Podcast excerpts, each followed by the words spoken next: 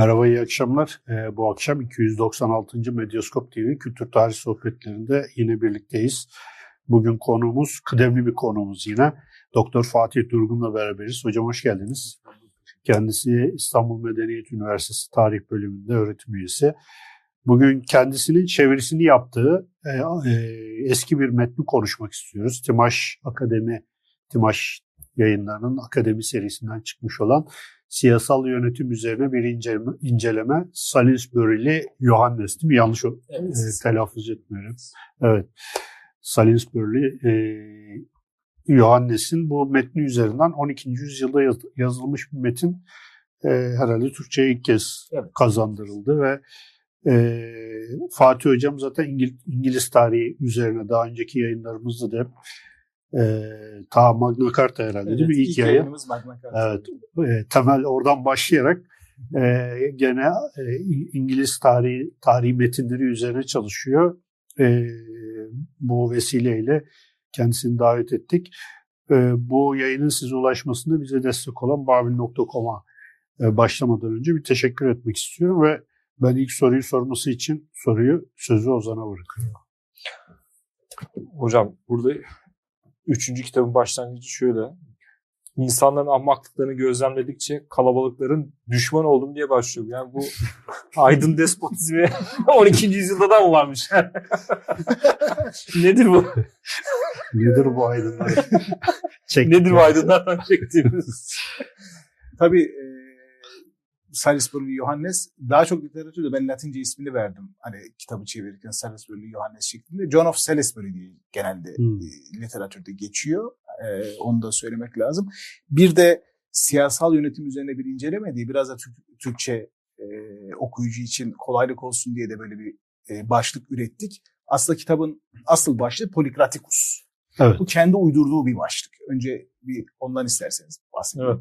Polikratikus e, Salisbury Yohannes'in kendi ürettiği bir başlık yani e, böyle bir kelime yok.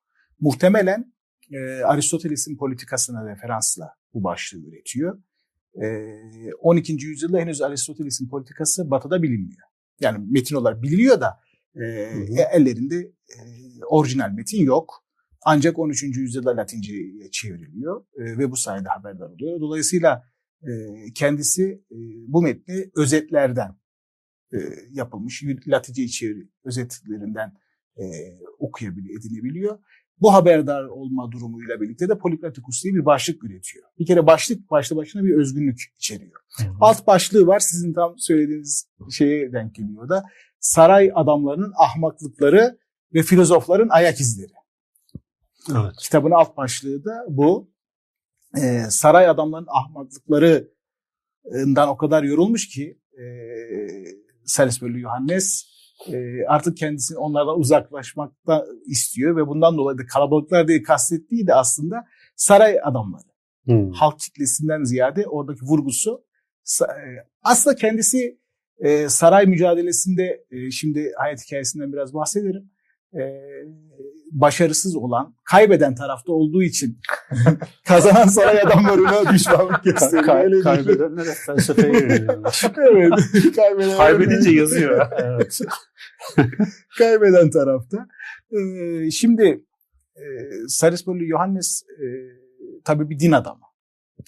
E, ve din adamı iken e, o dönem İngiltere'de Canterbury başpiskoposluğu İngiltere'nin bir anlamda şöyle ben hep e, tanımlarım Canterbury Başpiskoposluğunu.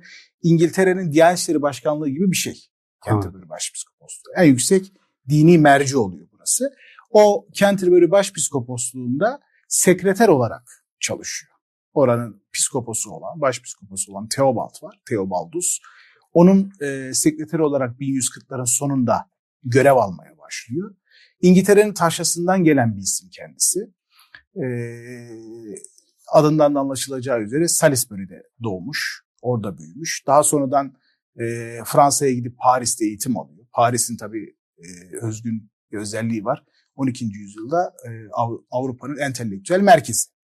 Yani Paris Üniversitesi teoloji, hukuk, felsefe gibi alanlarda eğer e, bugün anladığımız anlamda bir entelektüel olmak istiyorsanız mutlaka bir Paris'e yolunuzun düşmesi gerekiyor. Kendisi orada eğitim alıyor. E, sonrasında e, az önce de ifade ettiğim üzere e, şeyde e, Canterbury Başpiskoposluğu'nda sekreter olarak görev alıyor. E, tabii Canterbury Başpiskoposluğu'nun şöyle bir özelliği var. İngiliz kraliyet ailesiyle, e, kraliyetiyle, monarşisiyle çok yakın ilişkileri olan tabii doğal olarak bir yer. E, ve İngiliz krallarıyla sürekli e, ve sarayla sürekli irtibat halinde oluyorsunuz. E, tabii 1150'lerin sonuna doğru o dönemde İngiltere Kralı 2. Henry biraz kilise üzerinde tahakküm, egemenlik kurmaya çalışıyor. Egemenlik kurmaya çalışınca bu kiliseyle e, ciddi olarak bir sürtüşmeye neden oluyor. Sonradan zaten bu, bu bağlam çok önemli. E, ikinci Henry gücünü artırdıkça, e, yaşı kemal erdikçe diyelim, e, kilise üzerinde tahakküm kurdukça e, işte bu Theobaldus demin ifade ettiğim isim Theobaldus da ölüyor. E, Theobaldus'tan sonra Thomas Becket e, Canterbury psikoposluğunun başına geçiyor. Hı hı. Aslında ikinci Henry ile çok yakın arkadaşlar. Sonrasında e, ikinci Henry ile araları bozuluyor. Bu kilise devlet hangisi daha üstün tartışmasından dolayı kra, kraliyet mi hakim olacak yoksa kilise özgür mü kalacak tartışmasına girişiyorlar. Salisbury Yohannes de Becket'ın yakınında sonuçta. Canterbury Başpiskoposluğu'nun şeyi olduğu için, e, sekreteri, katibi olduğu için yakınında. E, ve 1160'lı yıllarda hem Thomas Becket hem de Salisbury Yohannes saray tarafından devre dışı bırakılıyorlar. Sürgüne gitmek zorunda kalıyorlar. Avrupa'da sürgünde dolaşıyorlar. En nihayetinde 1170 senesinde İngiltere'ye geri dönüyorlar. Becket Canterbury Kilisesi'nde 2. Henry'nin emriyle öldürülüyor. Suikaste oluyor. 2. Henry'e bağlı olan şövalyeler onu öldürüyorlar. E, sonradan Thomas Becket İngiltere'de toplumsal muhalefetin bir şehidi olarak görülüyor. Kim İngiltere'de kraliyete muhalefet etmeye kalksa soylulardan e, mutlaka bir Beckett'ın Canterbury'deki mezarına uğrar. E, onu temel alır. Beckett gibi biz de işte İngiltere'nin hakları için, e, İngiliz halkın hakları için mücadele ediyoruz. İşte kilisenin özgürlüğü için mücadele ediyoruz diye oradan bir meşruiyet almaya çalışır. Dolayısıyla Salisbury Johannes 1170 senesinde Canterbury'de bulunuyor. Beckett'ın öldürülmesine de şahit oluyor. Tabii sessizliğini koruyor. Sonradan da Fransa'da Chartreus'a gidiyor. Orada psikopos oluyor. Psiko, son yıllarını 1176 ile 1180, 1180'de ölüyor. Son yıllarını da burada geçiriyor. Psikopos olarak yani inziva halinde geçiriyor. Ee, 1180'de de zaten hayata gözlerini yumuyor. Kitabı 1159'da yazıyor. Bu önemli. Henüz sürgüne gitmeden önce yazıyor. Çünkü o şunu görüyor. 2. Henry bir e, kral olarak e, hakim olacak kilise üzerinde egemenlik kuracak ve e, baskıcı bir yönetim uygulayacak İngiltere diye düşünüyor. Tabii bunun baskıcı yönetim e, diye algıladığımız şey burada demokratik e, bir tepki olarak görmemek lazım. Burada kendisi bu bir adamı ve kilisenin e, baskı altına alınmasına rahatsız Halk olduğu değil için. oradaki. Yani oradaki baskı olacak yani. baskı evet yani halkın özgürlüğünden falan bahsetmiyor. Yani burada bir ne demokrasi anlayışı var e, ne de bir halkçı bir bakış açısı var. Burada tamamen ruhban sınıfının e, haklarını, imtiyazlarını korumaya yönelik bir tepki.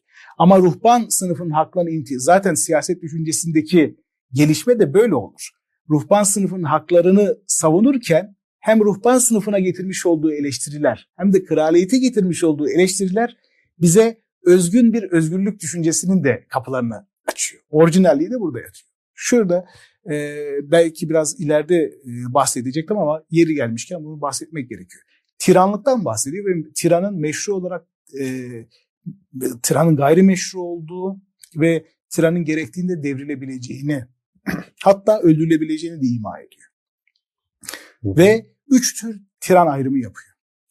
Birinci tür tiran yönetici olarak tiran, yani kralın tiranlığı, yöneticinin tiranlığı. İkincisi din adamının tiranlığı bu çok önemli bir şey. Bir din adamının din adamlarının tiranlığından bahsetmesi çok enteresan bir şey. Üçüncüsü ise kişilerin birbirlerine gündelik hayatta uygulamış oldukları tahakkümü ifade ederek tiranlıktan Allah bahsediyor. Allah çok ilginç. Bak. Üç tür tiranlıktan bahsediyor. Ee, bu çok özgün bir şey. 12. yüzyıldan önce tabii ki yani şimdi eski Yunan'da falan tiran dediğimiz ama bir yönetici türünden Evet. bahsediyoruz. Burada tiranı direkt baskıcı, zorba, despot. Bugün anladığımız anlamda tiranı bu şekilde dile getiren ilk defa Batı düşüncesinde e, Salisbury Yohannes. En önemli özgünlüğü bu noktada yatıyor.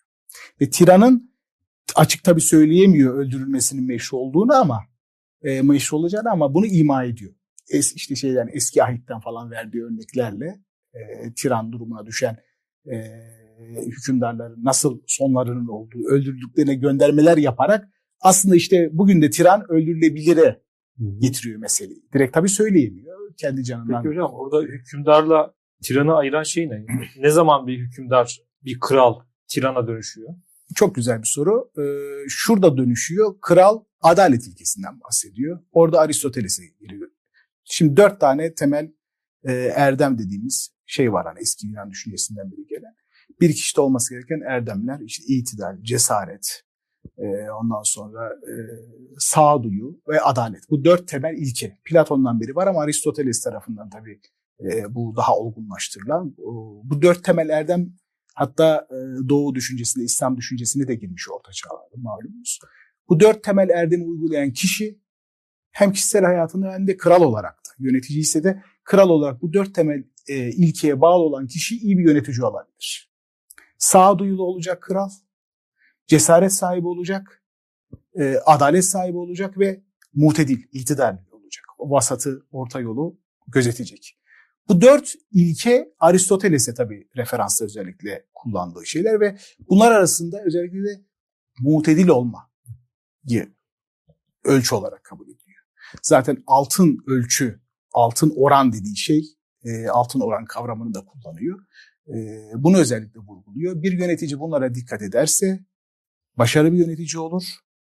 E, istenilen hem Tanrı'nın istediği hem de e, tebaasının istediği yönetici olabilir. Bunlara uymayan ise tiranlaşmış olur.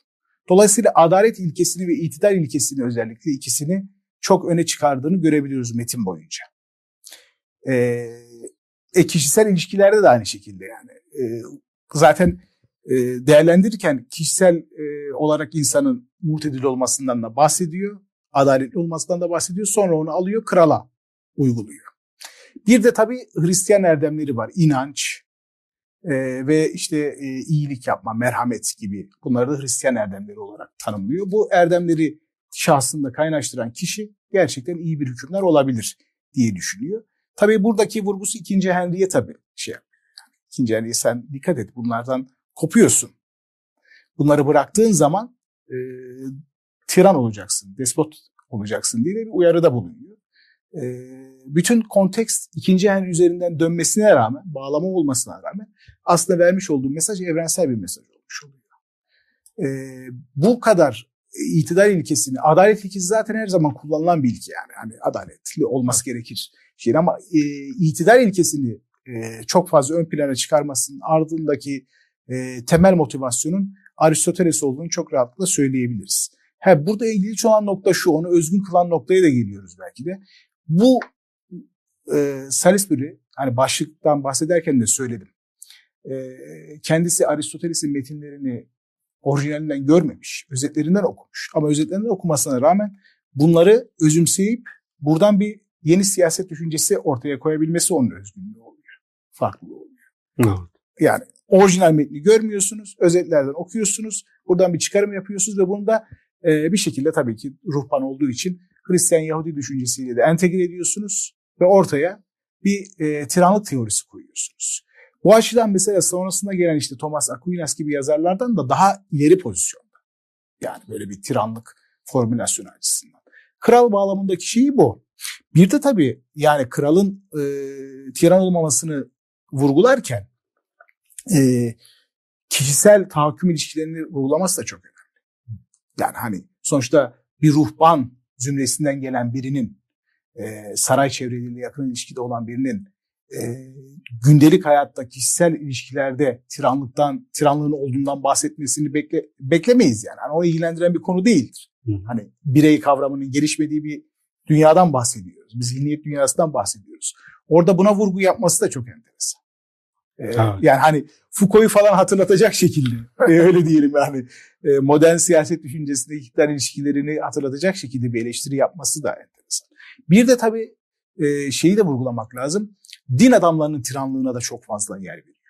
Yani kilisede din adamlarının halkı sömürmesi, e, kötüye kullanmaları, kiliseyi, dini kötüye kullanmalarından sürekli olarak bahsetmesi de yine başka bir enteresan taraf. Çünkü ruhban zümresinden birinin böylesine bir eleştiri yapması hele de yani bildiğimiz kadarıyla da e, iyi bir Hristiyan olmasına rağmen böyle bir eleştiri yapması da çok önemli. Yani kilisenin bir yozlaşma içinde olduğu, din adamlarının yoldan çıktıklarına dair ifadeleri e, inanılmaz eleştirel, sert bir şekilde e, bunları söylüyor. Ve bunu yaparken de dönemin bir papasıyla ilişkilendirerek yapıyor. İngiliz bir papa var. Tarihte tek bir İngiliz papa olmuş. Papalar hmm. hep İtalyan, Alman. Şimdi işte e, Arjantinli papa da geldi en sonunda. Evet. E, genelde İtalyan, e, kısmen de Orta Çağ'da Alman ve Fransız papalar olur ama İngiliz papa tarihte bir kere gelmiş. O da e, 4. Adrianus tam e, Salisbury'nin yaşadığı, e, Yohannes'in yaşadığı dönemde. E, bu Papa'nın özelliği şu, kilisenin içindeki e, yozlaşmalara karşı müthiş bir mücadele vermeye çalışıyor. E, reforme etmeye çalışıyor kiliseyi e, ve e, onun yaptıklarına referansla e, Salisbury Yohannes bir savunuda bulunuyor. Yani hani din adamlarının tiranlaşmasının eleştirisinde bulunuyor. Özellikle din adamlarının almış oldukları vergiler e, veyahut da vergilerden muaf olma halleri o kadar e, sert ifadeler kullanıyor ki. Yani onları e, bugün bile e, birçok şeyde e, metinde göremeyeceğimiz şekilde sert ifadelerle e, tanımlıyor. Onların yapmış olduğu şeyleri. E, yapmış oldukları e, kötüye kullanımları yozlaşmışlığı dile getirirken bu kadar sert ifadeler kullanabilmesi e, çok önemli. Ve bunları hep anlatırken de tabii e, ya eski Yunan ve Roma'ya referansla veyahut da eski ahit veyahut da yeni ahite referansla örnekler vererek. En önemli şeylerinden bir tanesi de bu. Sürekli olarak metinde örnekler, geçmişten örnekler vermesi. Yani bizim e, meseleler dediğimiz şeyleri kullanması. Hı hı. Orta çağdaki yöntemlerden bir tanesi de bu. Yani meseleleri mümkün olduğu kadar kullanmak, istediği şekilde kullanıyorsunuz. İşte iyi hükümdardan bahsetmek istiyorsanız Davut ve Süleyman'dan örnek verirsiniz. E, kötüden bahsederseniz işte e, Süleyman'ın oğlundan falan bahsedersiniz. E, o kötüyü simgeler Süleyman'dan sonra çünkü Yahudiler ona isyan ediyorlar ve Yahudi krallığı ikiye bölünüyor. Böyle örnekler veriyor ve yine e, eski Yunan ve Roma'dan da çok fazla örnek veriyor. Dante ile Dante programı da yaptık. Onu da e, şey yapayım. Mesela Dante'nin e, Vergilius'a olan şeyi e, sevgisi gibi Vergilius'a müthiş bir şeyi var. İlgi ve sevgisi var, alakası var. Evet. E, onu çok kutsuyor, ona çok referans veriyor. E, Vergilius'un metnini muhtemelen e, bilmiyor aslında. Orijinalde değil. Diyor ki yine onları da özetlerden, e, fragmanlardan biliyor. Ve sürekli on, ona referanslar veriyor. Mesela arı hikayesi. Bir toplu, e, arıların e, işte e, bal yaparken bir araya gelip e, bununla ilgili Vergilius'un bir şeyi var, şiir var. O şiiri mesela kullanıyor, ona yay veriyor. E, ve işte toplumunda arılar gibi e, daha eşitlikçi, başta mutlaka bir lider olması gerekiyor ama daha eşitlikçi bir topluluk olarak örgütlenmeleri gerektiğinden falan bahsediyor. Bu arı örneğini mesela vermesi çok e, yeni özgün bir şey. Orta Çağ'da bu örnek pek kullanılan bir örnek değil. Ha. E, buna yer veriyor metninde. E, bunun dışında mesela e, metnin özgün noktalarından bir tanesi e, şeyden İmparator, Roma İmparatoru Trianus'tan bahsetmesi. Ona çok referans vermesi. Normalde bir Hristiyan e, düşünürün, e, din adamının Orta Çağ'da e, bir pagan imparatoru bu kadar e, kutsaması, kutsallaştırması biraz tuhaf geliyor. İmparator Trajanus. E, neden ona bu kadar şey gösteriyor? Pluta, Plutarkos'un e, tabi e, Grek tarih yazarı, e, düşünür. E, Plutarkus'un Paralel Yaşamlar isimli eserinden biliyoruz. E, Plutarkus'un İmparator Trajanus'a e, bir mektup yazdığını ve Trajanus'u eğitmek amacıyla uzun bir bir yerinde mektup diyor, bir yerinde e, küçük bir kitap diyor. Hı hı. İki farklı ifade kullanıyor. Kitap yazdığından bahsediyor ve bunu Trajanus'a gönderdiğinden yine burada bahsediyor. E, ve diyor ki Trajanus'a diyor burada Plutarkus nasıl bir yönetici olması gerektiğini öğretti. Trajanus da onun ilkelerini benimsedi ve benimsediği bu ilkeler çerçevesinde de çok adil bir imparator oldu. Şimdi e, böyle bir metin yok. Hı hı. Yani Trianus'a eğitici mektup diye Türkçeleştirebileceğimiz bir e, metin. E, böyle bir metin yok. Plutarkos'un Trianus'a böyle bir şey yazdığını kimse bilmiyor. Bu ilk defa ve son defa da Salisbury Yohannes tarafından üretilmiş bir şey ama metnin içeriğindeki çok enteresan. Tiranlık dışında meselesi dışında ikinci bir nokta e, özgünlük açısından karşımıza çıkıyor. O da şu e, top, yönetim yapısını, siyasal toplumu bedene benzetmesi. Baş e, yöneticidir, kraldır. İşte kalp e, bizim doğu toplumlarında vizir hani olur. Hmm. Burada senatodur. Orada Plutarkos ve Trianus olduğu için senato şeyini kullanıyor. İşte e, bakanlar işte mideyi, bağırsağı vesaire bunları oluşturur. Halk da ayakları oluşturur. Teba da ayakları oluşturur. Ve e, teba teba ayaklar olmazsa bedenin hiçbir al beden e, düşer ve sürünür ve yardım olmadan da hareket edemez. Bu metaforu aslında bu metaforun e, sağlıklı beden e, ve siyasal yönetim arasındaki ilişki kurma Plato'ya kadar giden bir şey. Ama böylesine canlı bir şekilde bunu kavramsallaştıran, ifade eden bu Plutarkos'un Trianus'a mektup bu var diyerek, hani hmm. o mektupta varmış gibi bunu e, söyleyerek ilk defa bunu yapan e, Salisbury'li Yohannes. Leviathan'da var. Da var. Evet Leviathan'da da var. Leviathan'da Thomas Hobbes bir İngiliz düşünce geleneğinden hmm. olduğu için muhtemelen e, Salisbury'li Yohannes'ten e, direkt etkilenmiş. Zaten böyle çalışmalarda var. Hani... Ben şimdi burada bir şey soracağım hocam. Tabii. Araya gireceğim ama. Şimdi hani olmayan bir mektup diyorsunuz. Şimdi burada kitapta bu pagan e, felsefecilere yönelik orijinal şeyleri var, söylemleri var.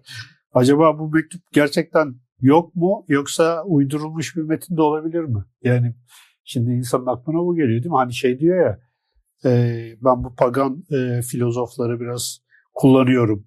Yani biraz, biraz da böyle açık yüre, yüreklilikle söylüyor. Evet. Acaba bu metinler olmayan bir olmayan bir metin üzerinden onu referans ederek acaba işte o ikinci Henry'e bir mesaj mı vermeye çalışıyor evet. gibi de insan düşünüyor yani. Evet çok e, önemli bir noktaya e, değindiniz. Şöyle bir şey var. Şimdi sonuçta ikinci Henry'e direkt saldırmaktan çekiniyor. Krala direkt saldıramaz. Hı hı.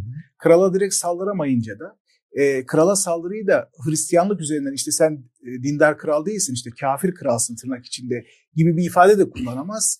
E, bari diyor pagan filozoflara döneyim. Onları kullanayım.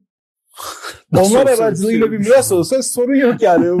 Pagan yani. Bir daha idam edemez. Yani pagan filozoflara döneyim. E, onlarda sanki böyle bir şey varmış gibi göstererek e, saldırımı yapayım. Evet. Ya da uyarımı yapayım diye düşünüyor.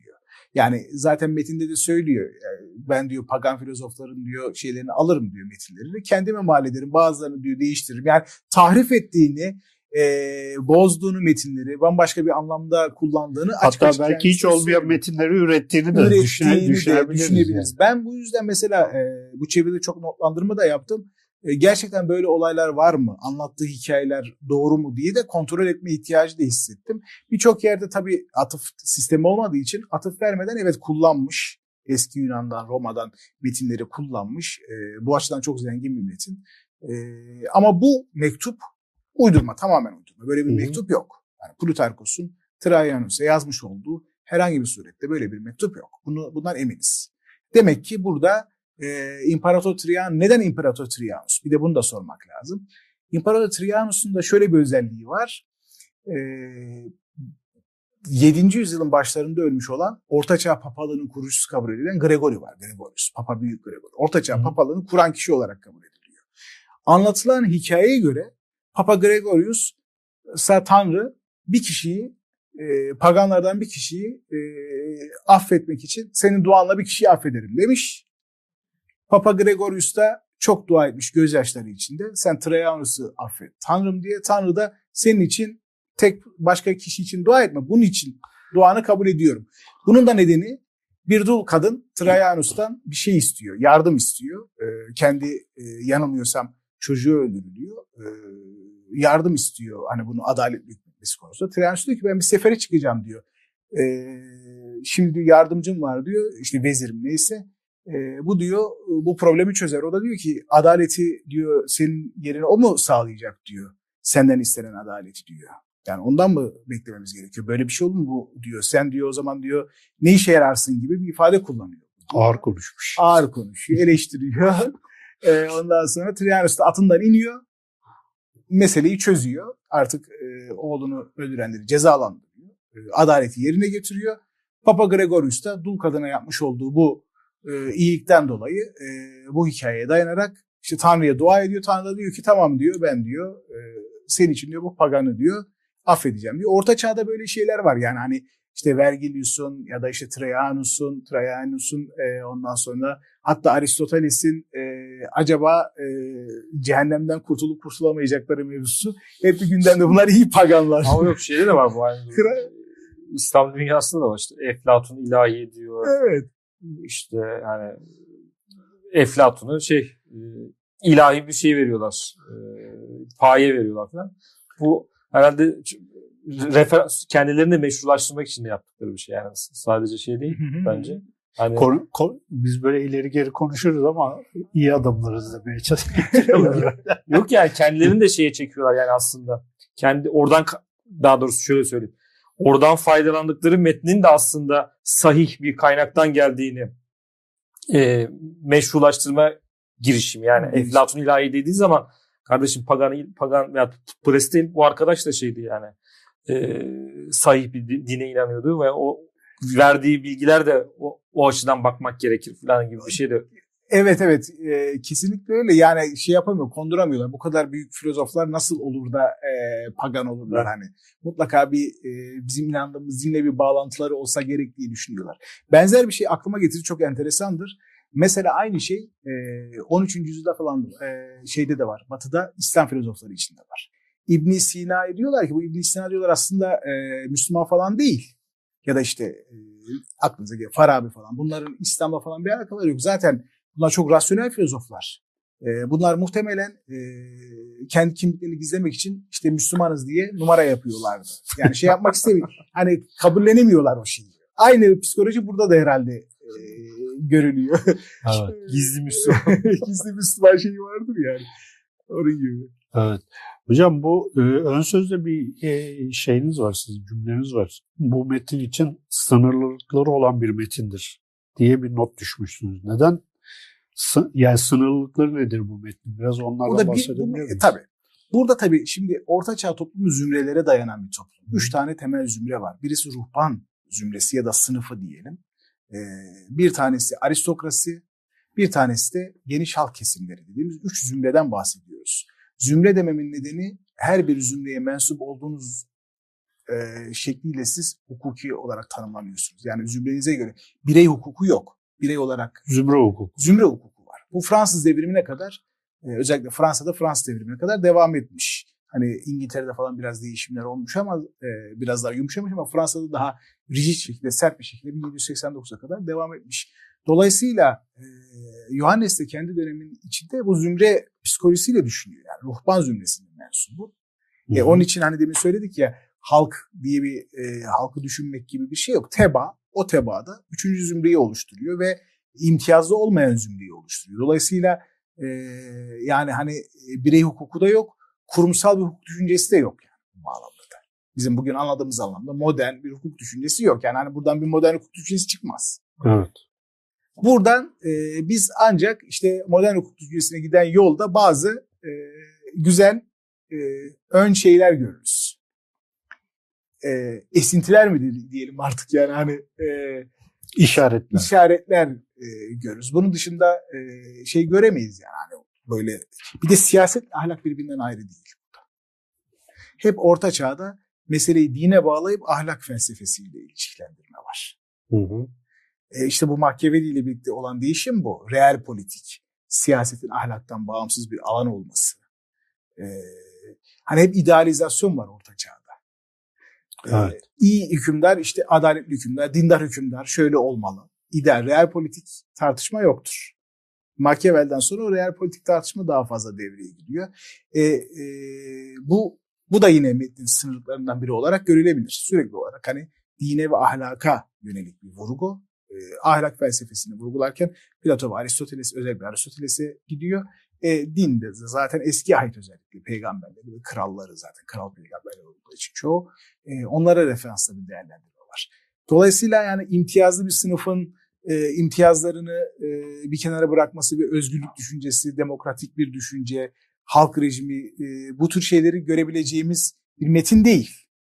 E, en temel sınırı bu. Sadece o kendisi e, tabii hayal kırıklığına uğramış ruhban zümresinden biri olarak. Hem ruhban zümresi içindeki problemlerden dolayı hem de saray çevrelerinde de gözden düşmesi, dışlanmasından dolayı e, hayal kırıklığına uğramasıyla birlikte e, bir tepki geliştiriyor. O tepkiyi geliştirirken de iyi bir kralın, iyi bir yönetici nasıl olması gerektiğine vurgu yapma ihtiyacı hissediyor. Onu söylerken işte bu tiranlık eleştirisi ve e, beden metaforuyla oluşturmuş olduğu işte organizma e, bir organizma gibidir siyasi e, siyasal toplum. Hı hı. Bu ikisi özellikle bu ikisinin vurgulaması özgünlüğünü oluşturuyor. Tabii burada aklıma gelmişken bir şey daha söylemek istiyorum. Burada siyasal toplumu bir de din din adamlarının kontrolünde olan bir toplum olarak e, tanımlamıyor. Bedende din adamlarının yeri yok. Bu önemli bir şey. Hmm. Yani bir din adamının bunu söylemesi de önemli. Bu da yani yine seküler siyaset düşüncesini de kaparalayan bir şey. Evet. Yani baş diyor, baş kral. Tamam. Evet. O da seküler. Ee, şey de e, vezir. kalp, vezir. E, diğer unsurlar e, bağırsak, mide işte hazine, hazinedarlar falan.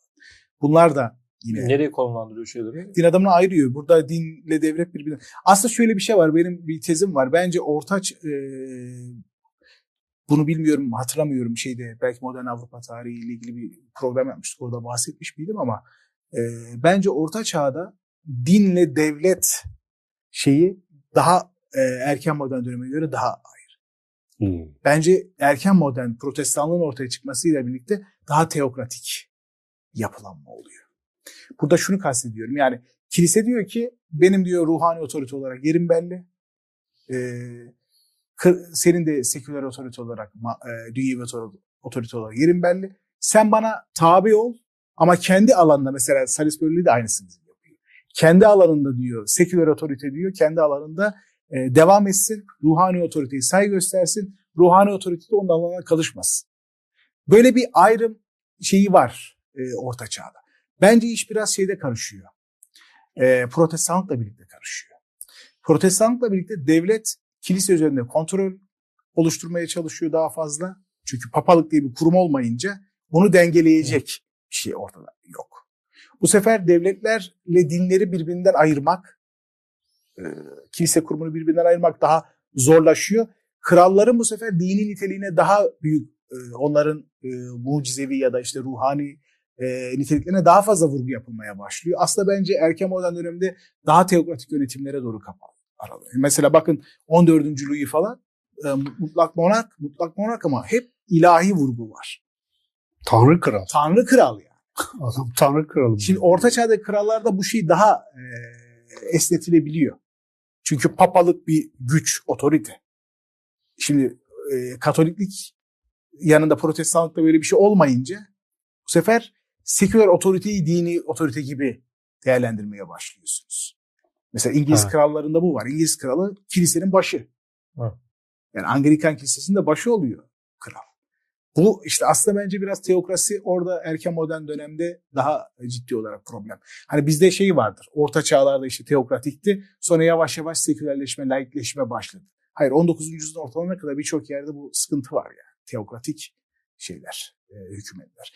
Bu e, Salisbury yani söylüyor açık açık. Diyor ki seküler otoritenin diyor şeyi alanı bellidir. Orada uygulayacağı evet yine din, din dindar olacak yani dine e, belirleyici bir şey. Sonuçta kralın tahta çıkmasını sağlayan şey Tanrı tarafından seçilmesi. Mesela şeyi vurgulaması da çok önemli. Bir diyor kralın, e, aklıma geldi şimdi. Bir kralın diyor soy bağından ziyade diyor iyi olduğu için, doğru bir kişi olduğu için kral olarak seçilmesi daha uygundur diyor Tanrı tarafından. Yani soydan ziyade ona vurgu yapması. Bu da mesela şeyden farklı. Sonuçta orta çağda mevzu tamamen e, kral dediğim nesep. Me, nesep yani soya dayalı bir şeydir. Burada e, ama soya dayalı olmaktan ziyade adaleti gözetmesi işte e, demin söylediğim o dört erdemi erdeme sahip olmasının daha önemli olduğunu vurgulaması hani e, o da bir farklılık ortaçağ siyaset düşüncesindeki şeyden e, genel eğilimlerden. E, seküler e, alan ayrı tutması, ruhani alanı ayrı tutması. Şimdi şöyle bir şey de var. Bazı din adamları orta çağda şunu söylüyorlar. Bu hatta günümüze kadar da gelen bir eğilim oldu. Özellikle Katolik dünyada. Ya biz çok bir devlet işleriyle haşır neşir olduk. Dini korumak istiyorsak, kiliseyi yozlaşmadan korumak istiyorsak biraz di, dünyevi işlerden kendimizi sıyıralım. Yani din ve devlet işlerinin birbirinden ayrılması meselesi. Yani laiklik tırnak içinde. Hani böyle gidelim ki böyle gidelim ki dinin de yozlaşmasının önüne geçebiliriz gibi bir eğilim var orta çağlarda. Yani bu bir alternatif her zaman. Yani. Evet. Bu şeyi bozan bir şey. Nihayetinde e, devlet işlerine karışmak. Yani o düzen içine girme, girmek gibi bir şeyi sağlıyor. Evet biz çok fazla müdahale ediyoruz. O da bu sefer bize müdahale ediyor. Dolayısıyla e, kendi şeyimizi e, kaybediyoruz. Sağlıklı yapımızı e, kaybedip yozlaşmaya sürüklenebiliyoruz diye. Bence buradaki tavrı da biraz e, Salisbury Yohannes'in yani devletle e, bu bedeni bu şekilde baş, kral baştır ve e, bedenin diğer uzuvları, unsurları da din adamlarının oluşturmaması biraz da bu kaygıyla da alakalı olabilir. Veyahut da kendi tecrübelerinden işte saray adamları ahmaklıkları diyor ya. E, böyle bir tercihe yönelmesinde de kendi yaşamış olduğu tecrübeler de deneyimler de etkili olmuş olabilir. Hocam burada bu siyaset ve ahlak felsefesinin beraber olması bu kendi içine e, nasıl diyor bir bütün olarak düşünülmesi. Mesela bu nasihatnamelerle bu o dönemde İslam dünyasında nasihatnameler var. Bunlarla karşılaştığınız zaman böyle bir burada da bu metinde böyle bir şey veriyor mu? Hani çünkü örnekler de veriyor aslında. Misal veriyor. Ama bir yanı e, bir yanıyla da böyle bir nasihatname mi? Na, Tabii. Nasıl bir konu, konumlanmamız gerekiyor? Bu, bu hem hem siyaset ve ahlak felsefesi bağlamında hem de bu nasihatname mi yoksa e, nedir yani? Nasıl konumlandıracağız? Bu türleri birbirine ayırmak, ayırt etmek çok zor olabiliyor yani. Hangisinin siyaset e, name, hangisinin nasihatname hani bu adlandırmalar birbirinden farklı olabiliyor ama benim kanaatim şu e, bu siyasetname tarzı direkt böyle hani işte işte Nizami Mülk'ün var mesela. Hı hı. Oradaki anlattığı hikayeler direkt bir nasihat şeklinde işler işliyor. Ama burada bu nasihat şeklinde değil. Bunun içinde felsefe var. Felsefi tartışma var. Mesela epikürcülerden nefret ediyor. Orta çağın şeyi evet, zaten. Bir bölümü onlar, demek epikürcülük bir, demek. Bir bölümü onlara ayırmış. Bir bölüm, Bakıyorum şimdi. Kitap, bir bölümü sadece onlara ayırıyor. Kitabın değişik yerlerinde de. 8. 8. kitap Hı-hı. onlara ait. habire epikürcülere saydırmış orada. Saydırıyor. Ondan da şimdi bahsederim. Ee, yani bu bağlamda epikürcülerden, Platon'un akademisinden vesaire bahsetmesi, akademi mensupları diye bahsediyorlardan. Ee, bunlara referans yapması o metni felsefi metin. Mesela e, ben tabii İslam siyaset düşüncesi ve siyaset amelleri üzerine uzman değilim. O konudaki arkadaş, e, bazen ama konuşuyorum şeylerle, arkadaşlarla. E, onların söylediği bu şekilde e, canlı bir felsefi tartışmanın metinlerde olmadığını söylüyorlar. Burada felsefi tartışma var. Spekülatif felsefe var. Hı hı. E, bunun yanında e, burada anılar da var. Kendi hayat hikayesinden parçalar da görüyorsunuz. Tecrübelerinden bahsediyor. İşte Papa ile yaptığı görüşmeden mesela bahsediyor. Papa'nın ona tavsiyelerinden bahsediyor vesaire. E, bu var. Bunun yanında e, dediğimiz tarzda bir ahlaki göndermeler de var ideal bir yönetici nasıl olur? Bunların her biri olduğu için ben özellikle e, bir siyasetname olarak tanımlamaktan kaçınıp bunu bir siyaset düşüncesi metni olarak almayı daha uygun buluyorum. Siyasetnamelerde, nasihatnamelerde sanki daha e, hikayeci bir tarz varmış gibi düşünerek. Ama tabii bundan emin değilim hani. E, Genel Çünkü kelle ve filan böyle. Yani hani benim sınırlı şimdi kar, karşılaştırma yapmak açısından sınırlı olarak okuduğum doğudaki siyasetname metinleriyle kıyas ettiğim zaman burada daha e, teorik bir yön olduğunu düşünüyorum. Hı hı. Yani mesela alıyor konuyu getiriyor diyor ki akademi meselesine getiriyor işte Platon'un kurduğu akademi. Akademi e, Platon'dan sonra Neoplatonculuk şeklinde e, İmparator Justinianus döneminde akademi kapatılana kadar devam ediyor. İşte Kikero'ya geliyor. O da akademi mensubu. Kikero'ya müthiş saygı duyuyor akademinin diyor düşüncelerin şüphecilik, felsefi şüphecilik açısından onların düşüncelerinden yararlanabiliriz diyor. Ama diyor bir yere kadar onu dinle felsefeyi birleştirmemiz lazım. Yani Platonculukla burada şeyi birleştiriyor. Ee, Hristiyanlığı bir sentezlemeye çalışıyor ve ondan sonra da epikürcülere saldırıyor mesela. Diyor ki saray adamlarız diyor zaten epikürcü. Bu epikürcülerin zaten bu e, dindar filozoflardan nedir çektiği. Yani Zındıktır bu. Zındık yani hani bu şekilde.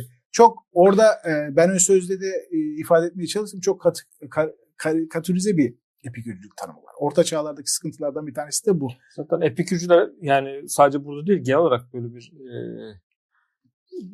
düşünce düşünce tarihi demeyeyim de genel olarak insanların zihninde böyle bir şey var. İşte hedonizm. Hedonizme yani. bu yani aslında tam yani öyle bir şey de yok. Yani ger- gerçek hakiki Hakiki, gerçek epikürcü evet. değil. gerçek epikürcü hep bizi hep suçlandı bunlar.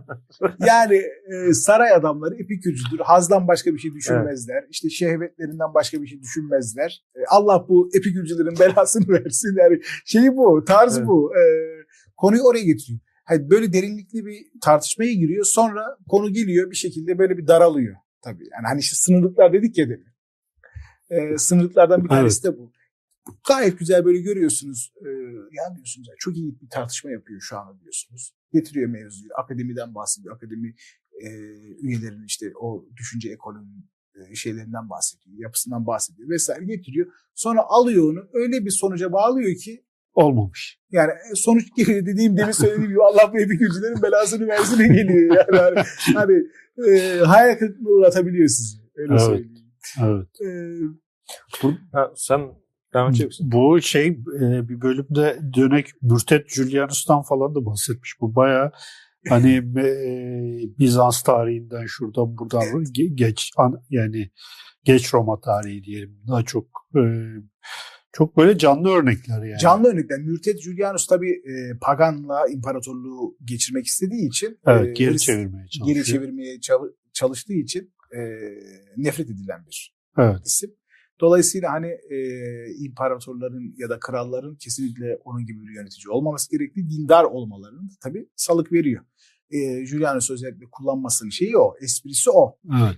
İmparator mesela Konstantin'in çok kafasına göre kullanıyor. E, o da mesela enteresan. İmparator Konstantin biliyorsunuz hani imparatorlukta Hristiyanlığa izin verdi ama İznik konsilini topladı. İznik konsilini topladı toplayınca dini aslında devletin kontrolü altına aldı. Tabii. Ama buradaki İmparator Konstantin şeyi e, imgesi şu. İznik konseyiine katıldı. Arka sıralarda oturdu.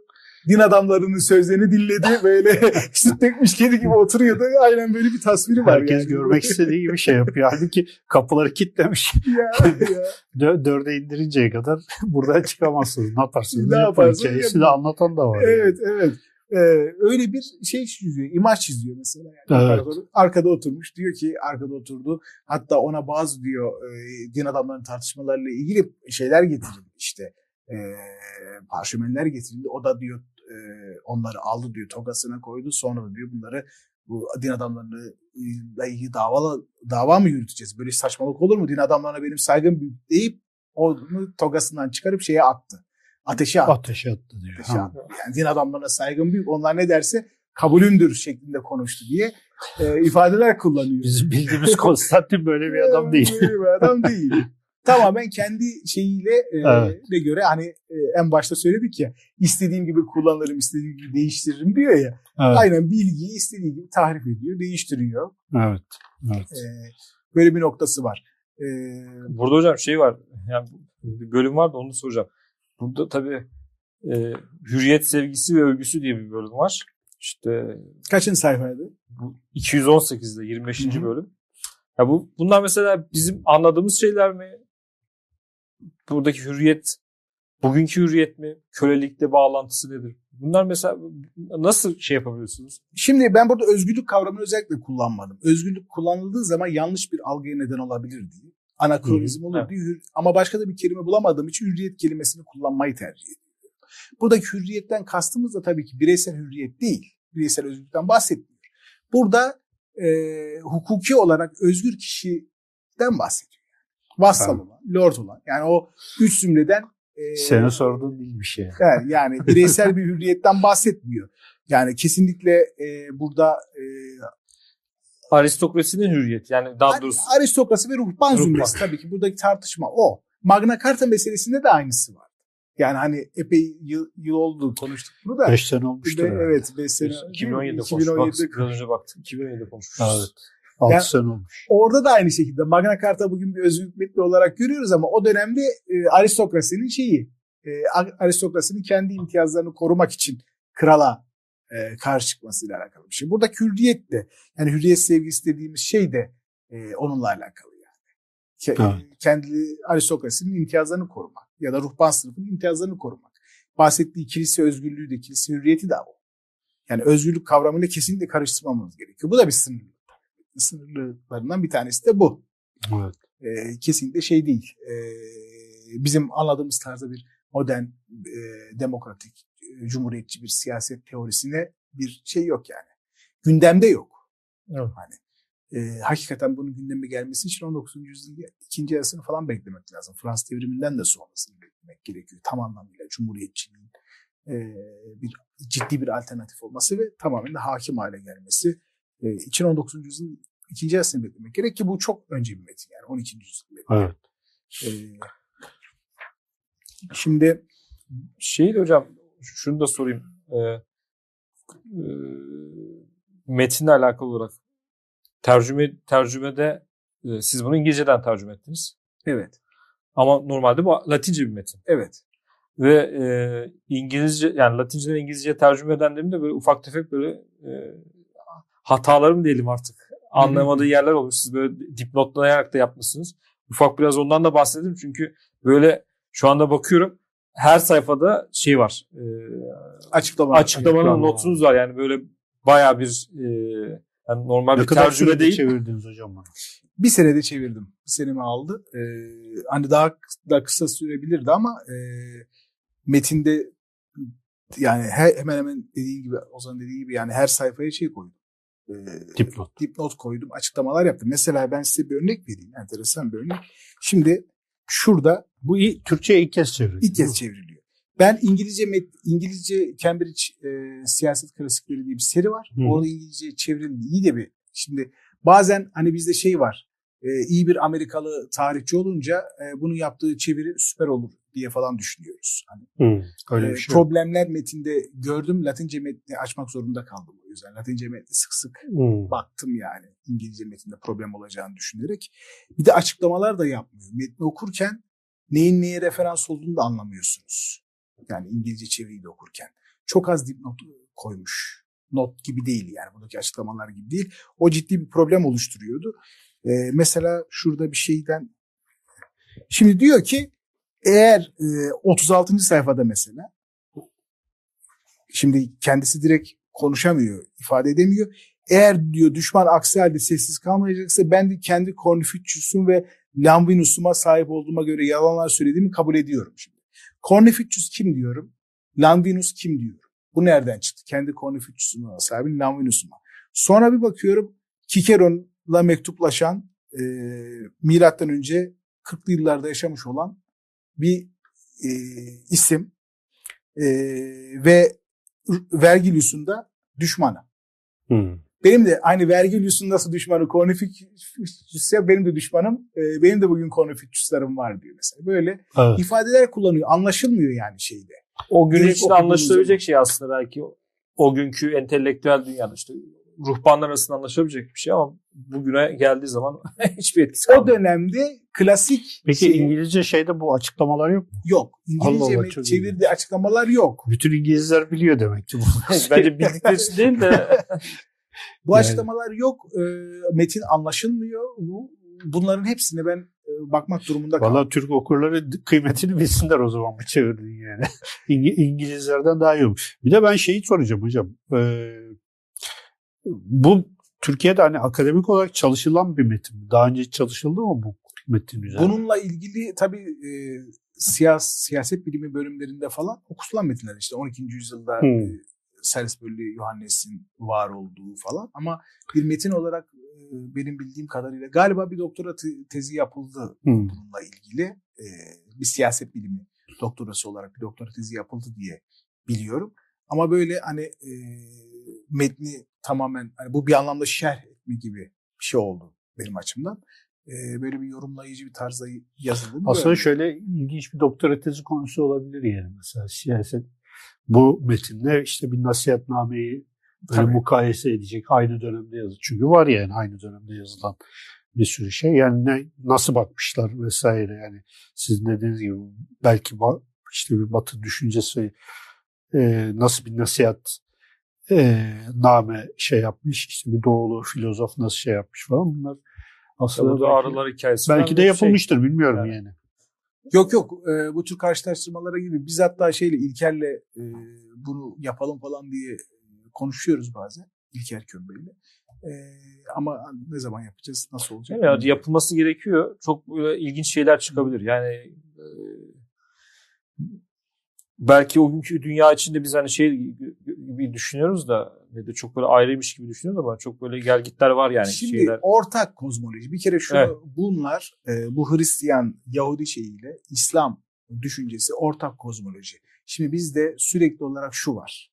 E, işte Doğu'nun düşüncesi farklıydı. Batı bu böyle bir şey yok. Şu metni baştan sona ben çevirirken okurken bir defa daha buna ikna oldum. Ortak kozmoloji olduğu için bütün olaylara bakış aynı. Şey var ya hani bize çocukluğa anlatılırdı ya işte e, melekler e, şey yaparlar. E, Omuz başlarında dururlar, yazarlar. yazarlar şöyle yazarlar. E, kötü şeyi hemen yazmazlar. Ha. Bekle aynısı var şu metinde. Aynısı var. Kötüyü hemen yazmazlar, iyiyi hemen yazarlar. İyi yapınca sevinirler. Melekler diyor seviniyorlar diyor. Yani her şeyler, e, referanslar o kadar bana tanıdık bir metin geldi ki yani okurken. Sadece değişen şey şu as- aslında. Değişen şey şu. Birinde e, İslam şeyine referans var. İslam kültürüne ve sağ sahne şeyine referans var. Ha, belki bu belki şey diyebilirsiniz.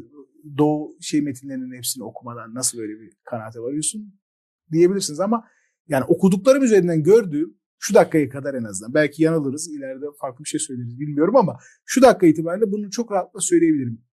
Doğu metinlerinde İslam e, şeyinde orta çağında metinlerde sağ sahne ve e, şeye gönderme e, İran'a. İr- e, İran ve İslam şeyine gönderme var.